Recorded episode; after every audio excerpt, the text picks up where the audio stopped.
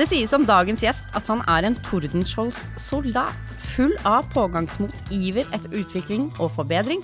Gir aldri opp en oppgave, og at han har en stor grad av struktur og kvalitet. Ja, det, Snakker du om meg, eller nei? Var det Ingar, kanskje? Det kunne kanskje vært, men dette med stor grad av struktur er vel ikke helt deg? Nei, jeg kjenner meg, jeg kan ikke skryte på meg, på meg det, nei. Nei, dagens gjest er Ingar Bystrøm, logistikkdirektør i Brødrene Dal. Et selskap som omsetter for rundt 9 milliarder og er representert i nesten hver krik og krok i Norge.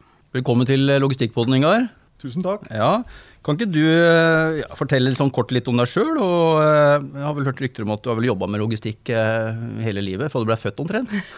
ja, litt overdrevet, men ikke langt unna sannheten.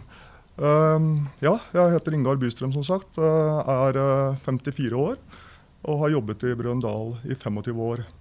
Hatt ulike roller, men først og fremst jobbet med logistikk i veldig mange av disse årene. Um, jeg, fra å jobbe på hovedkontoret vårt på Bryn i Oslo, flyttet jeg etter hvert ut på sentrallageret vårt, som ligger på Langehus. Og har fått vært med på en fantastisk utvikling over mange år. Hvor vi har gått fra å være i stor grad et manuelt lager til å automatisere og robotisere store deler av produksjonen vår. Mm til lytterne som ikke har helt oversikt over hva Brødrene Dal leverer. Mm -hmm. um, hva leverer dere? Brøndal er en teknisk handelsbedrift. Uh, det vi leverer er til mange ulike sektorer i bygge- og Anleggs-Norge. Uh, det mange kjenner oss fra, er VVS. Ja, det, det er det jeg liksom ja. tenker på. Så da leverer vi både til VVS-rørleggere uh, med butikker, og vi leverer til VVS-entreprenører. Vi leverer også innenfor sektoren vann- og miljøteknikk hvor vi leverer til store entreprenører, og vi leverer til stat og kommune. I tillegg så har vi et bein til å stå på som heter industri, hvor vi leverer til industri, verksvirksomhet, olje- og gassnæring med mer. I tillegg har vi en virksomhet i Holmestrand som driver med produksjon av samferdselsprodukter. Så vi er også store og betydelige leverandører innenfor samferdselssektoren. Eh, vi har søstre og døtre i konsernet vårt som jobber innen byggenæringen. Mange kjenner til uh, Optimera monterkjeden. Mm. Og vi har Flisekompaniet, Bergersen Flis, Hiver som driver med vannkraft, med mer. Så vi er bredt representert i store deler av bygge- og Anleggs-Norge. Ja, jeg tenker på sånn herre min hatt, her er det mye logistikk eh, og, og på gang. Så, men, men jeg tenker, du, du, har jo vært der så lenge og, og, og, og, fått med deg liksom, eh, som du sier, vært her i 25 år. Hvordan har liksom logistikken hvis vi ser ti år tilbake, ikke fram men ti år tilbake, hvordan, hva, liksom, hva, er din opplevelse av, av logistikk? Enorme endringer. Mm. Uh, logistikken har på de siste ti årene fått en helt sentral plass i vår virksomhet, som jeg også tror er gjeldende i de fleste andre virksomheter. Um, kravene, forventningene til tempo, uh, til kvalitet, til tilgjengelighet har økt dramatisk. Med netthandel og digitalisering så har vi åpnet opp for kundene at de kan bestille varer senere og senere på ettermiddagen. Og det er en forventning om tidligere og tidligere leveranser påfølgende dag for at man skal kunne komme i gang med arbeidet sitt. Så det vinduet hvor vi kan drive produksjon, krymper i begge retninger. Mm. Og oppi dette så skal vi ha en kontinuerlig kvalitetsforbedring. Og vi skal øke produktiviteten og bli mer kostnadseffektive. Sånn at vi øker, forbedrer konkurranseevnen til hele verdikjeden vår. Så eh, logistikk i dag kontra for noen år siden er som natt og dag. Ja, Det er jo helt sant. Og Så tenker jeg også at eh, Mange snakker om netthandler og sånt nå. og at man, man sender kanskje av gårde en penn eller en iPhone, men dere sender jo ganske eh, litt større størrelse på tingene dere sender av gårde òg. Ja, når jeg nevnte de eh, forretningsområdene vi er innenfor, så eh, sier jo det også noe om variasjonsbredden i produktene vi leverer. Og Det er både krevende og morsomt når du jobber med logistikk. Vi leverer alt fra små fiberpakninger til eh, kjøreprodukter innenfor glass og porselen, servanter, møbler, som mange kjenner til. Så leverer vi også enorme støpejernsrør, kummer, betong, ventiler og avanserte tekniske installasjoner. Så variasjonsbredden eh, i hva vi skal håndtere, hva vi skal pakke sammen og hva vi skal transportere ut i markedet, er veldig stor. Men, men hva, altså, hva, forventer egentlig rørleggeren? Altså, la oss si at jeg har en, en rørlegger i Tromsø. Mm. Og, så og så går jeg inn og så kan jeg bestille på nettet, som jeg skjønner. Går inn på nettet, bestiller noen toaletter, noen deler, noen skruer, noen mutter og det jeg vil ha. klokka tre for eksempel, på ettermiddagen og trykker enter nå, nå er, nå er det i Tromsø. Når får jeg det fysiske Tromsø da?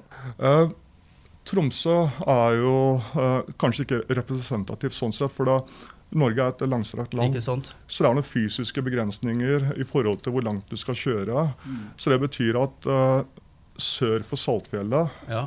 uh, så leverer vi over natt. Over natt, ja. Såpass, ja. Uh, og, så det betyr jo også at eh, 90% av markedet får varene sine over natt. Mm.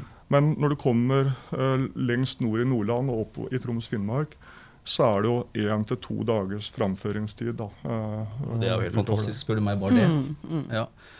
ja, men veldig, veldig spennende. Det her kunne vi ha snakka mange timer om bare det, akkurat den biten der, kjenner jeg. Um, dere har jo hovedlaget på Langhus. Ja. Uh, hvor mange ansatte er dere, og liksom, hvor mange artikler har dere? og Kan du si litt om det? Ja. Eh, vi har eh, rundt 28 000 eh, unike artikler på lager. Og lageret har jo endret seg på den måten at vi snakket om hvordan er logistikken i dag kontra for noen år siden. Så har det også endret seg mot leverandørleddet, hvor vi i større grad istedenfor å kjøpe fra leverandører og agenter, så kjøper vi fra produsenter. Så det betyr at det er lengre ledetid. Varene hentes fra hele verden. Vi har 1500 leverandører eller produsenter eh, som er spredd rundt i hele verden. Så det betyr at vi, så lageret vårt er jo organisert på den måten at vi må ha betydelig kapasitet til å buffre disse varene som vi kjøper store partier av. Eh, og så har vi da plukklokasjoner hvor vi gjør det daglige plukket. Eh, hvis jeg skal si litt mer om hvordan vi er organisert, så er vi eh, ca. 250 medarbeidere som jobber der ute, i ulike arbeidstidsordninger. Så de som jobber i produksjonen og plukker eh, varer hos oss, de jobber i en treskiftordning. Så de eh, møter på jobb eh, søndag kveld. Og så jobber de treskift gjennom uka, og vi stenger ned lageret fredag klokka 22. For det, dere har endra litt på lageret på Langhus. Dere har nå installert et småvareautomasjonsanlegg, leste jeg. Ja. Med roboter som snakker med hverandre over hele verden. Ja, det, uh, det, det er stas. Fortell om det. Ja. Um, vi har uh, i denne samme tiårsperioden vi snakker om, investert i ulike automasjon- og robotløsninger i ulike faser. Uh, også lageret er jo ikke til å kjenne igjen. Vi, hadde, vi startet først med å bygge et automasjons- uh, eller anlegg for godskonsolidering. For at- Det vil si det betyr at, uh, som jeg nevnte i stad, kundene bestiller gjerne varer seinere og seinere på ettermiddagen og forventer varene levert tidlig påfølgende dag. Det betyr at du får ekstreme volumtopper i løpet av døgnet. Hvis vi skal klare å utnytte anlegget vårt best mulig, så er vi avhengig av å kunne plukke kundeordre som tross alt kommer tidlig på dagen, inn, og la dem eh, ligge og vente til kjøreruta skulle gå.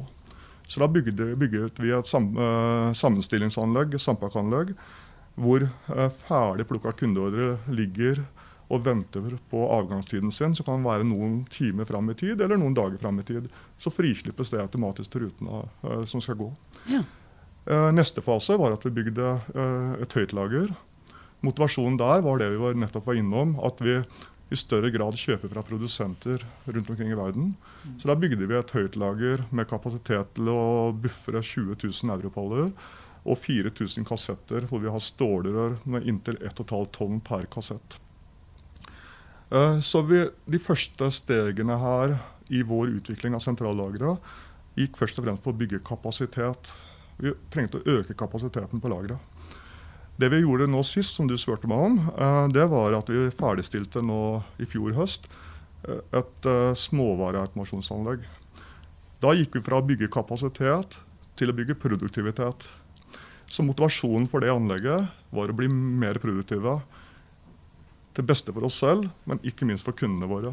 Vi har et ansvar overfor kundene våre og verdikjeden vår at vi blir mest mulig konkurransedyktige gjennom å ha en effektiv logistikk og lavest mulig kostnader på sentrallageret vårt.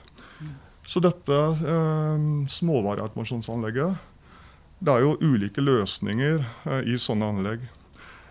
Og Jeg er ikke så veldig interessert i om det er et kjøttelanlegg, eller om det er en miniload eller en autostore, eller hva det måtte være.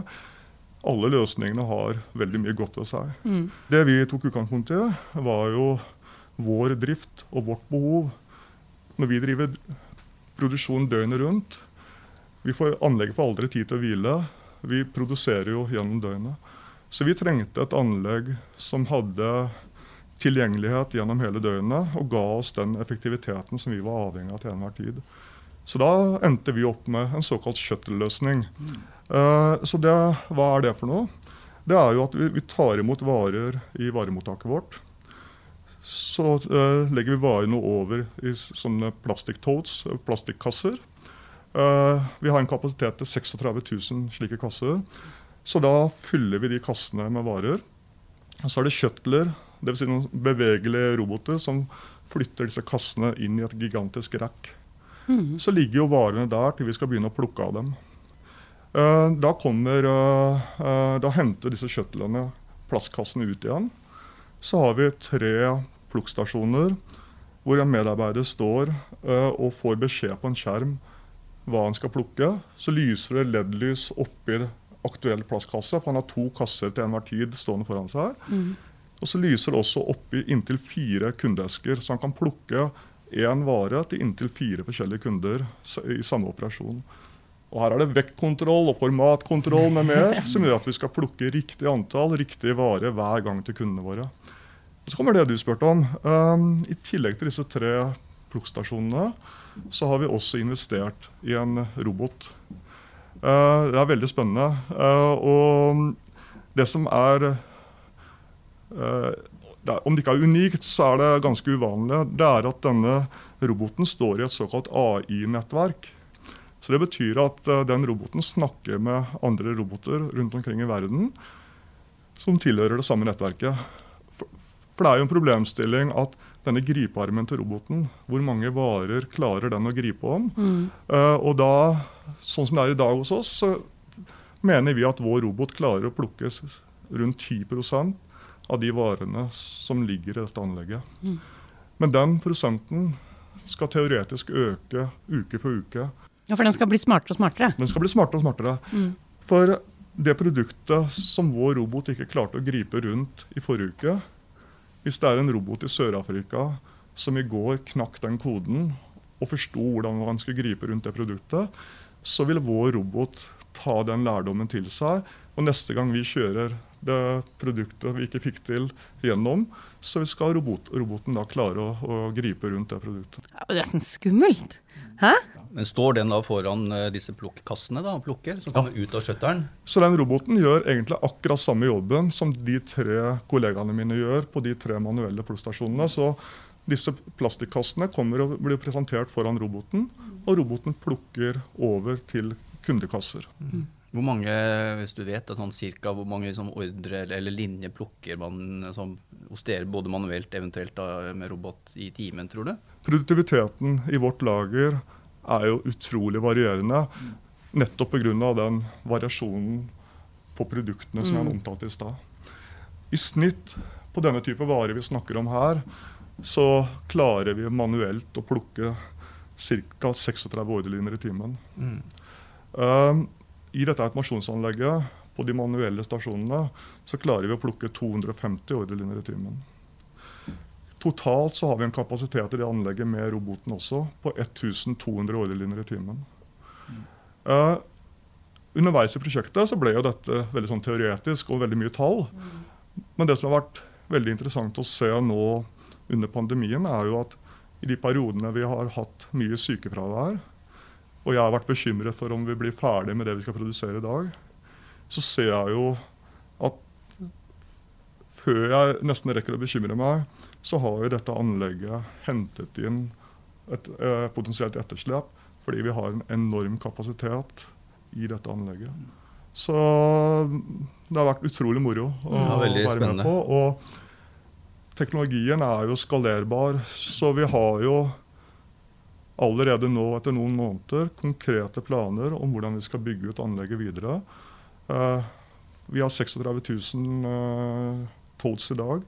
Vi har planer for hvordan vi skal bygge ut til 50 000 toads. Og hvordan vi skal sette inn nye roboter både i plukkfunksjonen som vi snakket om nå, men vi ser også muligheter for å ha roboter i varemottaket og i godssammenstillingen på utgående ruter. Mm. Så vi har prøvd å uh, lage en, hva skal kalle det, en automasjonskatalog.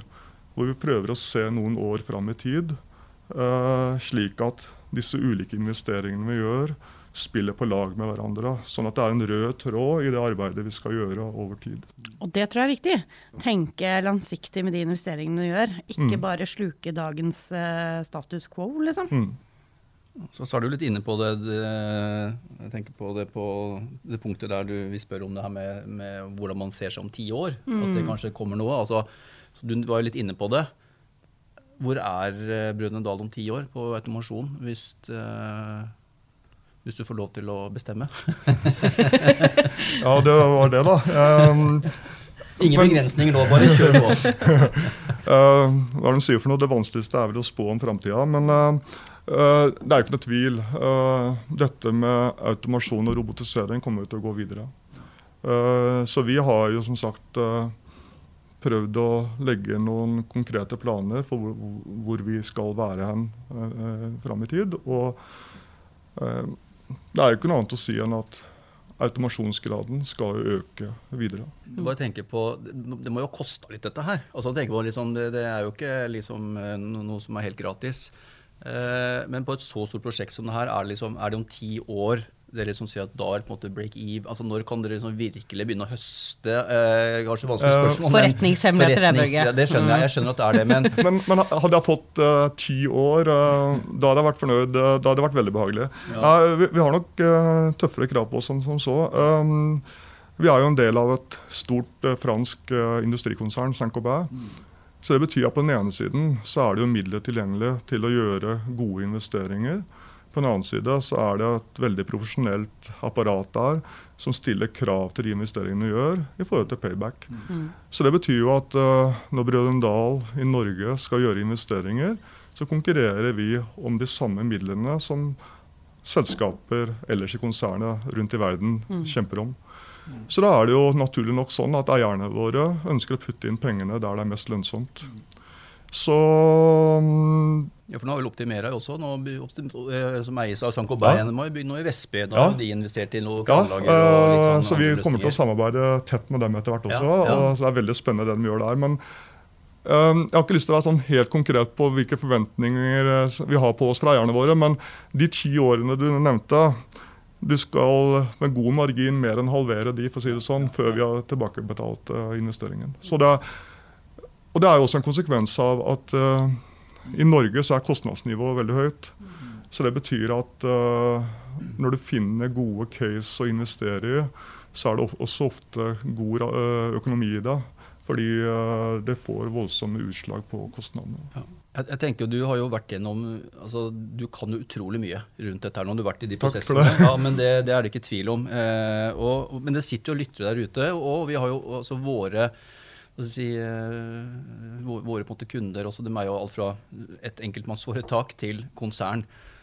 Og det her med automatisering det snakker vi om hele tiden. Vi får spørsmål om det. Når skal vi automatisere? Hvor mye koster det? Lønner det seg? Osv.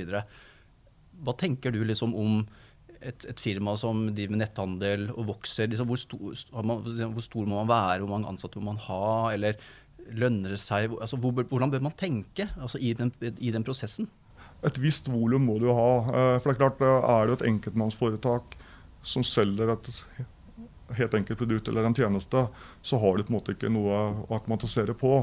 Eh, så hvor stor du må være, skal være usagt. men jeg mener vel at uh, de aller aller fleste bedrifter som driver av en viss størrelse, og det kan være ganske små bedrifter også, har muligheter til å automatisere. Mm. Fordi um, det vi så når vi vurderte ulike løsninger, er jo at de aller fleste løsningene er veldig skalerbare.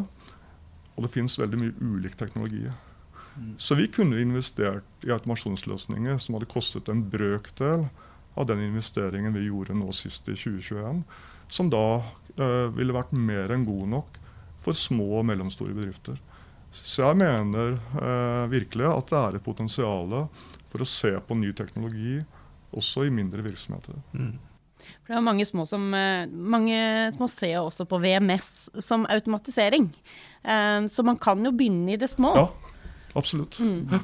Men dere er jo representert i hele Norge, og dere har jo noen små lagre litt sånn overalt òg, stemmer ikke det? Eller servicesenter, Ja, eller, eller, Jeg vil ikke kalle det lager, men vi, vi, vi er jo Hvis vi holder oss til kun Brønnøydal, så er vi representert på 55 steder rundt i landet. Eh, vi gjorde jo en reise før årtusenskiftet hvor vi la ned alle de regionale lagrene eh, til fordel for å bygge dette sentrallageret på Langhus.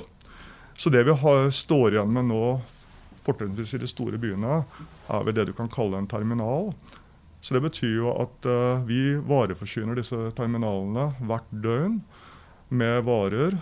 Uh, som da ifra terminal spres videre ut til våre kunder med uniformerte Brøndal-biler. ja. Og, og veldig ofte i tilknytning til den hu- huben så har vi jo da også eh, det, det vi kaller servicesenter, eller som man kan kalle butikk, hvor håndverkere kommer da og handler hos oss. Men vi prøver å unngå å ha store lagre lokalt. Fordi eh, det vanner jo på en måte ut effekten av et sentrallager, hvor du har enorme volum å bære kostnadene dine på. Så det blir jo litt å jobbe motstrøms da, hvis du skal bygge opp noe av de samme funksjonene lokalt. Så det, det nåløyet er veldig trangt i forhold til å bygge opp store varebeholdninger lokalt. Det vi skal ha lokalt, er de eh, smør- og brødvarene som våre kunder etterspør i butikkene hver dag. ja. En annen ting jeg bare kom til å tenke på mens vi nå står her og prater, det er jo det her, og vi, vi, kom, vi snakker jo mye om det også eh, i andre podkaster, det er jo det her med levering. Eh, ting skal jo leveres. En ting er å plukke disse varene, så skal du jo pinadø meg få dem ut òg. eh, og det fins jo ulike transportører eh, og sånt, eh, og det skjer jo mye der opp framover. Ja. Eh, nå tenker jeg ikke spesielt på liksom, elkjørende biler og sånt, men bare for å begynne, hvor er det dere hvordan er det dere leverer? Altså, det, har dere egne biler, eller benytter dere dere av et nettverk? Eller? Vi benytter oss av et nettverk. Eh, Så det har vært et strategisk valg fra Brøndals side at vi eier ingen biler selv, og vi har heller ingen sjåfører ansatt. Så eh, vi distribuerer varer i hovedsak på to måter. Til disse omtalte terminalene som er spredd rundt i landet eh, på strategisk riktige steder, så kjører vi det vi kaller en overføring. Så da kjører vi faste kapasiteter hver natt, Uh, hvor vi grovsorterer varene inn til terminal. Og så typisk klokka fire om morgenen så splitter vi opp uh, disse uh, konteinerne. og kundesorterer varene. Så da sprer vi varene derifra ut med uniformerte Brøndal-biler og med sjåfører som har Brøndal arbeidstøy på seg. På Østlandet så gjør vi det direkte fra Langhus og, og sprer varene rett ut på faste kjøreruter ut til kundene våre med uniformerte biler. Eh, disse sjåførene gjør en fantastisk jobb for oss hver eneste dag. De er ikke ansatt i Brøndal, men mange av dem har kjørt for oss i årtier. Mm. Så når de snakker om Brøndal, så snakker de i vi-form.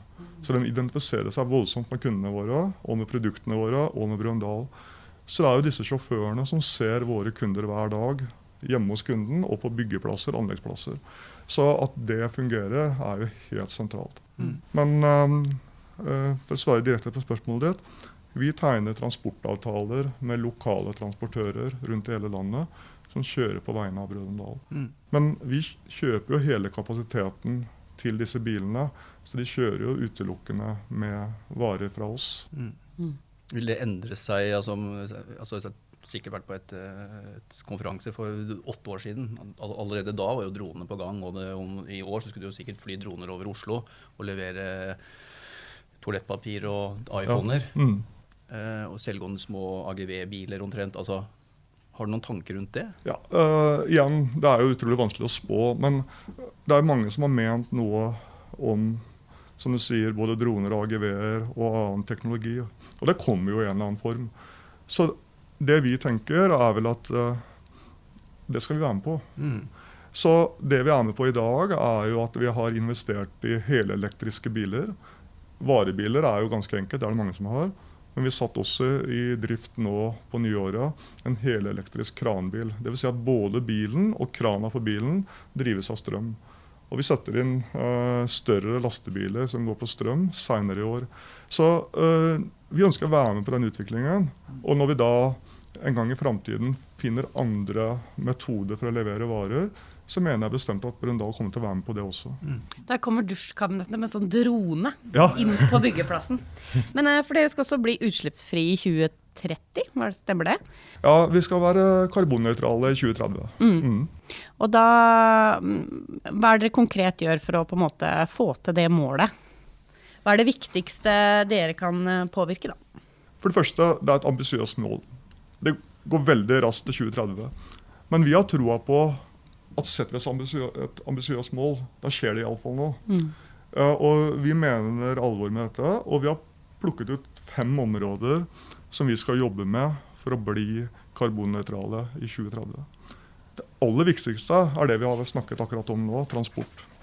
Transporten står for store deler av utslippene i Brøndal sin virksomhet. Så da eh, skal vi både, som vi akkurat sa, jobbe med ny teknologi, som vi er midt oppi nå. Men det går jo også an å gjøre noe annet med transporten. Og det er å optimalisere kjørerutene våre. Øke fyllingsgraden på bilene. For én ting er jo hvilket utslipp transportmidler representerer. Men det er også noe med utslippet per collie. Så det er klart at eh, når vi først velger å kjøre en bil, så ser det jo mye bedre ut i et miljøregnskap at vi utnytter kapasiteten på bilen best mulig. Jeg har aldri hørt noen si utslipp per collie før. Det er jo helt genialt. Mål. Ja, Vi investerer, vi har jobba manuelt eh, med dette fram til i dag, men nå jobber vi med eh, en teknologi hvor hele bilparken vår ligger inni en eh, software. Og vi henter inn alle transaksjonsdataene fra VMS-systemet vårt. Så det betyr jo at eh, både for vår egen del, men også for kundene sin del, så skal vi framover kunne sette opp et miljøregnskap eh, for hele Brøndals virksomhet. Men også brutt ned på kunder og ordrenummer og leveranser eh, helt konkret. For det, dette etterpå kundene våre, og vi ønsker å være med på det. Så transporten er utrolig viktig for å nå våre klimamål. I tillegg så skal vi jobbe med energiforbruket vårt i byggene våre. I og med at vi har spredd rundt i hele landet og har enormt store bygg, så går det mye energi både til varme og kjøling. Der skal vi investere mye i åra som kommer, slik at disse byggene blir mest mulig miljøvennlige. Og Så er det kanskje det området som er vanskeligst for oss. Når jeg nevnte i stad 29 000, 28 000 varer på sentrallageret vårt. Eh, 1500 leverandører spredd rundt i hele verden. Produktene våre har jo også et klimafotavtrykk. Ja. Ifra pro produktet blir produsert et eller annet sted i verden, emballert og transportert eh, rundt jordkloden, nær sagt, og, og til oss. Så uh, vi kommer til å jobbe mye med leverandørene våre og sertifisere leverandørene våre i forhold til miljø. Og vi kommer til å jobbe mye mer også med produktdokumentasjon, slik at vi eh, er bevisste på og kan dokumentere eh, utslippene til de produktene vi selger. Det er som sagt kanskje det området som blir vanskeligst å jobbe med, for her er vi avhengig av veldig mange andre aktører også. Og så kommer vi til å jobbe mye med emballasje. Uh, I logistikk så produserer vi mye emballasje og ulik type emballasje. Eh, papp er vel kanskje noe av det bedre å bruke, kontra eh, plast eh, og isopor og andre ting. Og Da kan jeg nevne, som vi snakket om i stad, dette småvareautomasjonsanlegget. Det vi gjør der, det tar halvparten av produksjonen på sentrallageret. Vi produserer én pappeske som har samme footprint, men så varierer høyden på esken. Så det betyr at vi har en laser som når den skal lukke pappesken, så måler den laseren fyllingsgraden i esken som skal ut til kunden. Så det betyr at esken brettes automatisk ned og kan variere i høyde mellom 10 og 25 cm. Så én ting er at vi da kjøper miljøvennlig eh, gjenvunnet papp. Men en annen ting er jo hvor mye papp vi bruker, og hvor mye luft det eventuelt er i esken. Ja, for alle har jo fått, eller jeg har i hvert fall fått en maskara i verdens største pappeske med masse fyll og hei hvor det går. Skulle tro jeg hadde kjøpt en uh, basketball, liksom. Ja.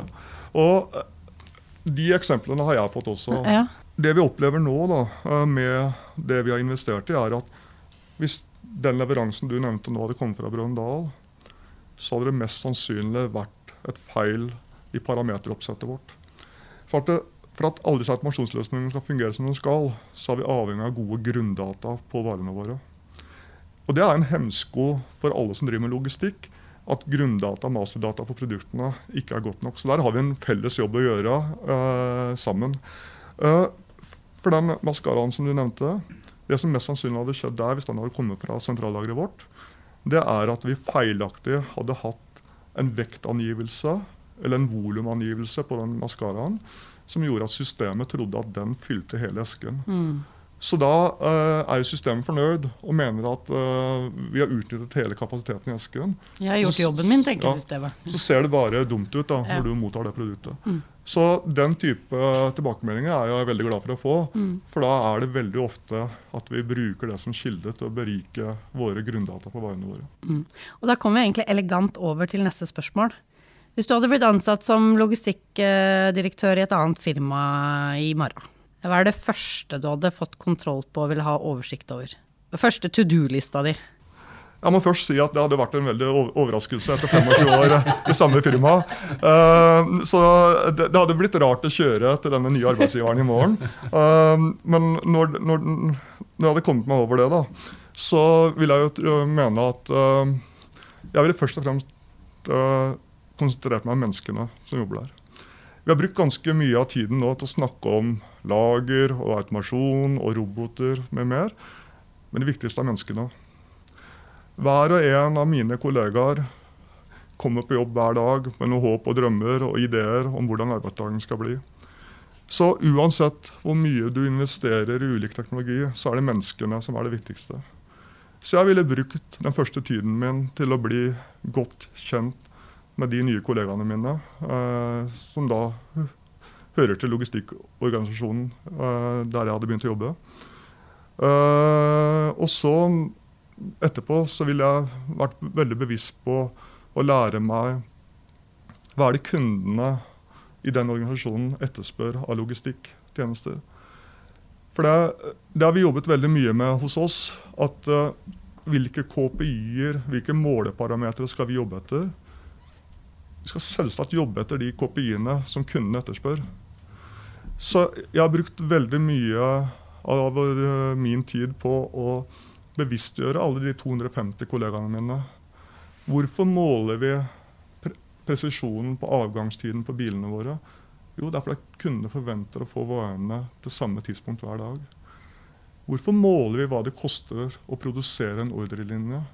Jo, fordi vi har et ansvar overfor kundene våre å bli mer kostnadseffektive, sånn at vi også øker konkurransekraften til kundene våre. Eh, jeg kan jo si at for på denne reisen gjennom de siste ti årene, så har jo vi økt vår produktivitet med mellom 25 og 30% på sentrallageret.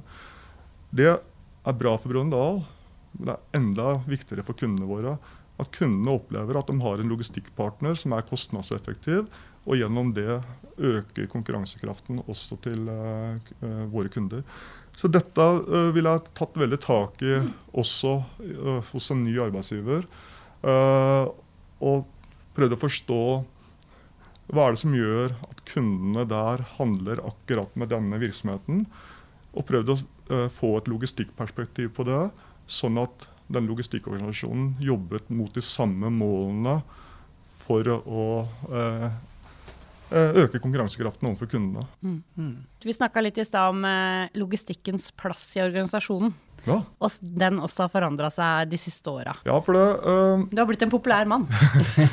ja, takk. Um, nei, jeg kan jo fortelle mm, reaksjonen fra mine barn uh, den gangen jeg begynte i Brøndal. Så de rynka litt på nesa. Uh, det var kanskje ikke så status at pappa skulle begynne å jobbe på lager med klosetter og dusjer og andre ting. Um, og de forsto kanskje ikke helt hva, hva, vi holdt på med. Uh, og i anførselstegn så var vel logistikk kanskje den gang sett på som et litt sånn nødvendig onde. Det var noe du hadde, og som du gjemte litt bort. For det var jo salg og andre ting som betydde noe.